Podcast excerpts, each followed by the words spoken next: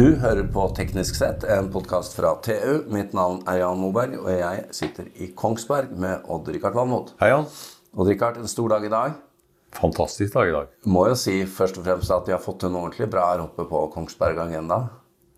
Det var, jeg er imponert. Virkelig imponert. Teknologi Det andre året. alle hjørner. Og nå var vi der også. Ja, og vi har rett og slett eh, i dag, eller vi, vi har sammen med juryen og partnerne våre kåret Norwegian Technology Award for 2023. Ja. Det som eh, vi kaller teknologiprisen, egentlig. Så ble det hjemmeseier, gitt. Ja, det var seks, eh, seks kandidater som var plukka ut på bred front. Men, men den som gikk av med seieren i juryen Og jeg satt i juryen, men jeg var liksom én av seks, så dette Ja. var ikke tvika av meg. Eh, Det var Nasems, som jo har gjort eh, rent bord i Ukraina. eh, Omtrent. For å skyte ned det som har kommet inn. Men for å snakke litt mer om det, som har mye mer greie på det enn oss, så har vi med to som jobber med dette. Nemlig utviklingssjef Øystein Lindtvedt og forskning og eller forretningsutvikling Tom Erik Holmen. Velkommen til dere.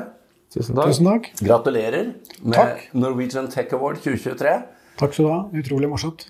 Eh, Det er jo sånn da at eh, noe av det juryen la vekt på Jeg satt i det juryrommet, er jo det at det er jo sjelden at et system som har ligget litt sånn eh, Det er ikke det at vi ikke har sett på det som potent og, og, og bra, men det er jo sjelden at et system får muligheten til å demonstrere suksessrate på den måten som dette har gjort. Uheldigvis, får jeg si, men, men likevel heldig for mange av de som er nede i Ukraina. Så øh, hvordan har det siste året vært? Ja, det har vært uh, veldig spesielt. Og det er som du sier, at det, dette er jo et system som vi egentlig håper at aldri skal komme i, i operativ bruk. Ja. Eh, men når det skjer, så er det jo eh, veldig ålreit, og vi er jo veldig stolte over å se at det utgjør en så eh, vesentlig forskjell. Det har jo en avskrekkende effekt òg, da. Ja. Det har det. Og det er, jo det, det er jo det som egentlig er hovedmålsetningen vår, at Ja. det skal ha en avskrekkende effekt, slik at det i utgangspunktet ikke blir brukt. Men la oss bare oppsummere. Eh, Det ble først um, tatt i bruk i Ukraina i november 2022. Altså for bare egentlig et drøyt halvår siden. Og eh, inntil nå så har det der nede skutt ned et par hundre pluss droner eller missiler. Er det riktig? Ja, det er riktig. Og det er primært så er det kryssemissiler som er, eh, er målet for eh, ukrainsk NASAMS. Men også dødelige droner har, Ja. har vært mål. Det er svært sjelden at det ukrainske luftforsvaret har oppdaga russiske jagerfly innafor sine grenser siden de fikk tilført vestlig luftvern. Nettopp. Så dere holder flyene unna, altså. Vi holder flyene unna. Nå er jeg klar over at nå sitter vi jo her og, Richard, og snakker med to stykker som kan dele mye, men ikke alt. Ja. Men jeg må likevel spørre, da. Hva er eh, suksessraten i Ukraina? Den er eh, helt utrolig høy. Det er eh, Vi snakker langt over 90% Ja. Så det er, eh, det er helt fantastisk og en helt utrolig anerkjennelse da, til alle de som har, har bidratt til å utvikle dette systemet gjennom så mange år. At uh, når du virkelig blir uh, satt i ilden under de mest ekstreme forhold, så funker systemet sånn som det skal. Og det redder altså vital infrastruktur, det redder befolkningssentrum i, uh, i krig. Så det er vi veldig stolt av. Det var vel som du, Tom Erik, sa her før sending, at det har funket bedre i strid enn i, enn i test? Eller var det Ja, du det som sa det? det er faktisk sant. Nå har jo altså norske, det norske forsvaret operert NASAMS over mange år og har testa det systemet til det maksimale i taktiske scenarioer. Eh, også utenfor det systemet er designa for. Og det er jo klart at uh, su suksessraten vil gå litt ned, men det er jo fortsatt over 90% under, under, eh, under trening og øving også. Ja, for at du, du sa vi har hatt det i mange år. Det er, På midten av 90-tallet så ble det vel tatt i bruk. Det er riktig. Men det er ikke den versjonen vi Nei. har nå. Nei, det er det ikke. Og, og det er jo Altså, Nasaus er nå designa for, for å kontre trusler sånn som jagerfly, helikopter, kryssemissiler og eh, droner av en viss størrelse. Eh, og det, var jo der, det ble jo designa i sin tid for å kunne motstå store krysserangrep fra vår, vår nabo i øst. Ja. Men siden, eh, siden den gang så har man jo vært under konstant utvikling. Man har tatt fram nye løsninger. Han har fått muligheter til å distribuere systemet ut fra kommandoplassen. Altså nå fra Han trenger ikke å være samlokalisert.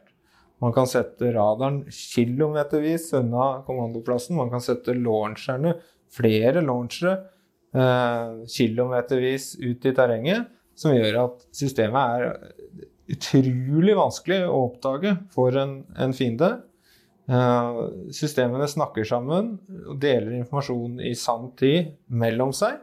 De deler også informasjon oppover og inn i nasjonal, eh, nasjonal kommandostruktur og allierte enheter, og støtter således da standard, standard datalinker, altså måter å samarbeide på da, på, på tvers, på Mm. tvers av, eh, av systemer og Ja, jeg har, jeg har en artig eh, annonse fra Teknisk Ukeblad her fra 1997, tror jeg det er. ja.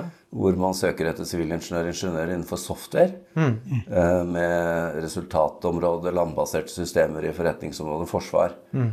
Og da er det jo lagt veldig mye vekt på da, at systemene skal være åpne og tilpasningsdyktige. Og eh, dere har vel vært inne på det, at dere kan bruke forskjellige typer radar. Dere kan distribuere dette rundt, og det er egentlig et sånt uh, ja, distribuert system som kan kobles sammen på mange måter. Hvor viktig har det vært da for uh, suksessen? Dette her er, Denne annonsen er fra 97. Ja, og jeg tror det, det, har vært en, en måte, suksesssak for oss hele veien, og en, en helt klar strategi på at vi, vi, vi har en åpen, komponentbasert uh, arkitektur. Uh, som muliggjør da integrasjon og interoperabilitet med andre, andre systemer uh, i samtid. Og det, og det er reelt, reelt åpent. Det betyr at vi Og og her, har, her var vi veldig langt framme innledningsvis. Nå, nå er jo noe av dette blitt bransjestandard etter hvert. Men her var vi ekstremt langt framme eh, på 90-tallet når dette ble etablert, og vi har jo vært verdensledende på dette hele veien. Og jeg tror, det, jeg, jeg tror det er en strategi som står seg. Ja. Jeg tror det at eh, det å komme med proprietære lock-in-løsninger i dag, det er, det er på en måte ikke veien å gå. Du må være åpen, og du må kunne ha mulighet for å integrere nye systemer. Det, er, det minner meg litt om strategien bak internett, faktisk. Og det var jo faktisk også forsvarsbasert. Ja. Så uh, Ja, jeg jeg har i hvert fall lyst til å si at det, det, er jo, det er det som er hele kjernen til at vi klarer å holde oss eh, relevante etter så mange år. At vi har, har mulighet til å integrere nye kapasiteter når det blir tilgjengelig. Eh, Så kundene har jo hele veien dratt dette systemet videre, ikke sant? Altså, Ja. Og kapasiteter de har altså det, er jo, det er jo kun det er det norske forsvaret, det er andre nasjons forsvar, som har altså kjernekompetanse om hva, hvilke behov de har. Og så har vi da et system hvor vi kan, vi kan hjelpe dem med det, med å oppnå de krava eller de, de behova de har da, for, å, for å kunne forsvare eh, det de skal forsvare på best mulig måte. Og det, det jeg tror jeg er det som er mye av grunnen til at vi klarer å holde oss relevant, og det er det som er mye av grunnen til at det amerikanske luftforsvaret i fjor eh, ønska at vi skulle bli verdens eh, første system som kunne, kunne skyte tre forskjellige missiler, f.eks. For fra samme type launcher innafor sekunder eh, mot forskjellige typer mål. Og, og det er, så utrolig hva man får til. For det er jo viktig for de som Mange har jo sett denne, denne utskytingsenheten. Det er jo eh, seks eh, avlange kasser med, med lokk på, hvor eh, dere putter missilene inn i disse seks, mm. seks containerne. Og det er i de da at dere kan ha forskjellige typer missiler. Fordi dere lager jo ikke selve eh, missilet. Nei. Eller Nei, vi gjør ikke det i utgangspunktet. Nei. Eh, Så, så vi har jo Dette var jo basert på et Amram eh, luft-til-luft-missil. eh, Så dere tok det fra et fly? tok det fra et fly, og det, det er jo noe av det geniale med hele konseptet. fordi at veldig mange nasjoner har jo dette missilet på lager i forbindelse med sine Ja, ja. jagerfly. Altså, Og deriblant Norge, som hadde Amram-missiler til sine F-16-fly. Eh, Så, så bre, sånn beredskapsmessig, logistikkmessig, kostnadsmessig så er det veldig effektivt. Men det er som Tom Erik sier, at vi har jo nå i det seinere utvikla en, en multimissilkapasitet. Og det betyr at vi har videreutviklet denne utskytningsenheten til å kunne håndtere tre forskjellige missiler. Og det er akkurat som du sier, du kan ha begge, alle tre inni. Og det er AIM-9X, og det er Amram. Og så har vi et eh, extended range. Og her har vi et samarbeid i Norge med bl.a. Nammo og, og Raytheon på å lage et eh, sier- Kall det et Amram-missil med lengre rekkevidde, men nor- norsk eh, rakettmotor. Ja, fordi på disse missilene så er det Raufoss eh, Eller Nammo. Nammo-motor. Det er tanken på den extended range. Når kommer den, da? Den er tilgjengelig. Og det er det. Den er tilgjengelig. Men uh, extended range, er det, er, det, er det lengde i antall kilometer bort fra utskytningsrampen? Er det høydemeter det er snakk om? Hva er viktigst? Det er- Viktigst er nok høyden. Ja. Så det er, det er derfor det er absolutt viktigst. Men, men det er klart den går også lenger. Men, ja. men høyden er den viktigste. Men uh, det er jo interessant da at uh, dere og andre norske forsvar og flere med dere klarte å håpe å si uh, Det høres feil ut når jeg hører jeg når jeg sier det, men å skrape sammen nok materiell for å få ukrainerne operative. Fordi det, Dere var jo ikke forberedt på en sånn situasjon. Men det viser jo også kanskje hvor fleksibelt dette systemet er. da. Ja, det, det var jo en enorm innsats og et samarbeidsprosjekt mellom industri og, eh, og myndigheter, eh, spesielt da i Norge, USA og Ukraina, for, for, å, få, for å få NASAMS inn i krigen for å redde liv. Eh, og det er jo ikke sånn at vi, vi har mengder med materiell stående ute på, på produksjonshallene våre. Vi, vi bygger jo dette materiellet til kunder. Det blir skreddersydd til den enkelte kunde. Vi har en base, ja, men det blir jo skreddersydd til kunden. Men heldigvis da, så hadde da sjefen i KDA og, Raytheon eh, bestemt seg for å bygge opp noe materiell som skulle brukes til trening og demonstrasjonsformål på egen regning. Så vi hadde noe materiell tilgjengelig som kunne, som kunne gjøre opp, gjøres operativt eh, på, på svært kort tid. Og som vi etter hvert da blei beslutta at vi skulle gjøre i regi av USA, så blei det donert eh, to NASAM-systemer til eh, Ukraina på, på seinhøsten i fjor.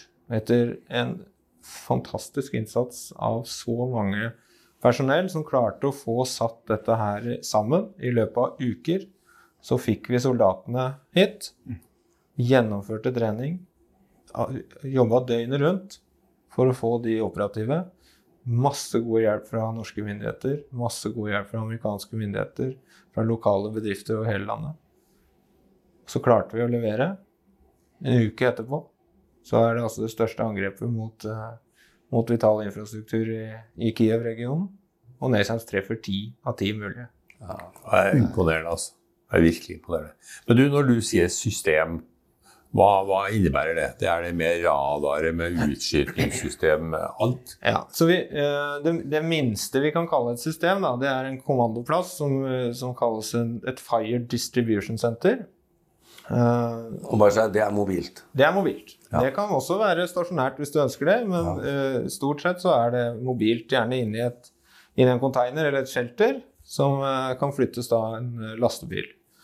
Og så har man en radar, som også kan flyttes ved hjelp av, av kjøretøy. Og den kan stå langt unna. den kan stå langt unna. Den kan kobles på radio eh, 25 pluss kilometer unna. Eh, og så har man launcher da med missiler, som også eh, kan distribueres vekk fra, vekk fra kommandoplassen. Alt er mobilt, alt kan flyttes. eh, og man kan da, man kan da mikse dette som man mer eller mindre som man vil. Da. Altså, en, det minste man kan ha, må man ha én av hver. Det er Ja. det minste systemet. Ja. Og så hvis jeg skal si, hvis vi skal kalle noe en standard, så ville jeg sagt at eh, det vi kaller en, en FI unit, eh, er stort sett da en, en FTC, en kommandoplass, en radar og tre til fire launchere. Og det, det er det vi, Når jeg definerer system, så er det liksom i den, den størrelsesordenen jeg tenker. Så det er det de har i Ukraina, altså. Ja, den har flere sånne, da. Og så kan de koble dette sammen. Dele informasjon, informasjon i sanntid.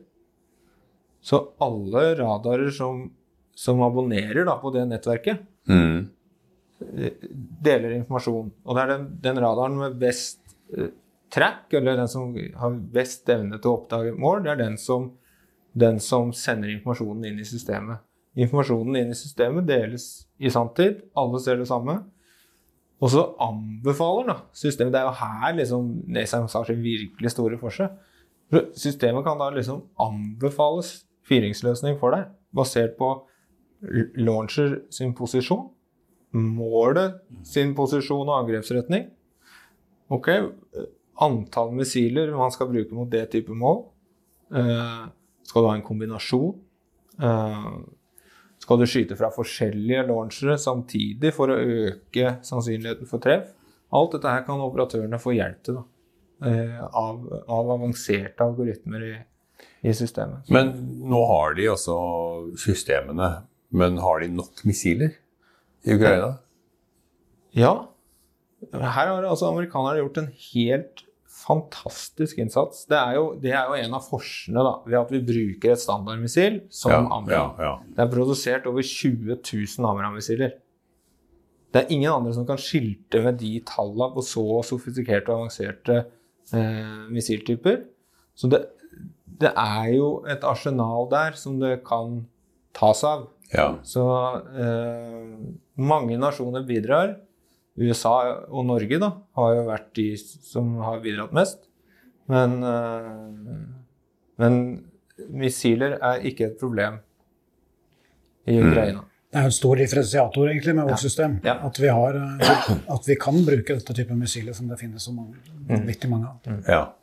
Vi må eh, ta det litt tilbake til historiens begynnelse, fordi dette er jo kjempeinteressant. Eh, Man kan jo lure på hvorfor skjedde dette i Norge og Kongsberg. Og sånn jeg har skjønt det, så eh, var dette i sin tid en nøtt for Norge, for det fantes ikke et, en løsning som tok hensyn til norsk terreng med høye fjell og dype daler og diverse. Det var ikke noe å kjøpe. Er det, er det riktig? Er det sånn det var? Ja, det er helt riktig. Så det, det var en utfordring som det ikke fantes noen løsning på. Du kunne ikke dra til Frankrike Nei. eller England eller Nei, så, så, så det var helt nødvendig å tenke nytt og litt utenfor boksen. Og det, det er jo her Norge kanskje har en forskjell med det, det som vi kaller for et trekantsamarbeid. Da. Eh, Som er på en måte en etablert sak. Og der Forsvaret, Forsvarets forskningsinstitutt og industrien jobber veldig tett sammen. Og, og der, der vi klarte å fange opp disse gode ideene, ikke sant? sånn som Hovland, da, som hadde mange av de gode innledende tankene. Og, og, og, så har vi alle de smarte hodene som, som klarte å få fram denne nettverkssentriske arkitekturen. Tok i bruk den 3D-radaren.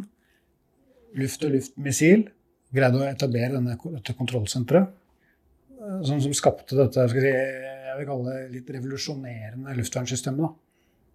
Som, som, som er, er det beste systemet i den klassen. Men det er vel mange som har gjort noe lignende og sett hvordan dere har løst det? Det er jo flere som eh, har kommet etter, ja. Ja, ja. ja. Yes. Og Derfor så er det jo også viktig at vi fortsetter denne kontinuerlige utviklingen, så at vi alltid er eh, til stede foran. da. Bra, Richard. Det er imponerende. Det er eh, hyggelig å se at norske ingeniører virkelig får dette internasjonalt. altså. Ja, og se, se hva de er med på å redde nede i Ukraina. Ja. Det er eh, helt strålende. Vi må bare nok en gang gratulere dere. Øystein Lindtvedt og Tom Erik Holmen. Uh, gratulerer med Norwegian Tech Award for 2023. Tusen takk. Og eh, takk for at dere stilte hos oss. Eh, takk til Odd Rikard, eh, vår produsent Sebastian Hagemo, og mitt navn er Jan Moberg.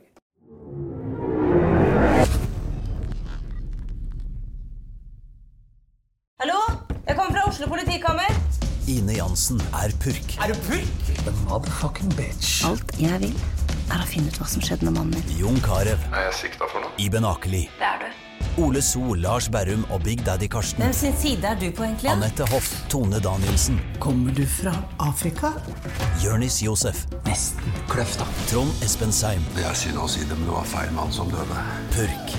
Premiere søndag på TV2 Play. Har du et enkeltpersonforetak eller en liten bedrift? Da er du sikkert lei av å høre meg snakke om hvor enkelt det er å sende faktura med fiken. Så vi gir oss her, fordi vi liker enkelt. Fiken superenkelt regnskap. Prøv gratis på fiken.no. Driver du en liten bedrift? Da tenker du sikkert at dette er en reklame for fiken. Men det er det ikke, for vi er Folio. Folio er en banktjeneste for bedrifter, og vi er fikenbrukerne sin absolutte favoritt. Med Folio får du nemlig en superenkel nettbank og kjappere regnskap. Dessuten får du påminnelser om alt du ellers må huske på. Med Folio er alt samlet på ett sted, og du får umiddelbart kontroll over utgifter og kvitteringer. Besøk folio.no og se hvorfor bedrifter foretrekker oss fremfor de store bankene. Folio smartere enn banken.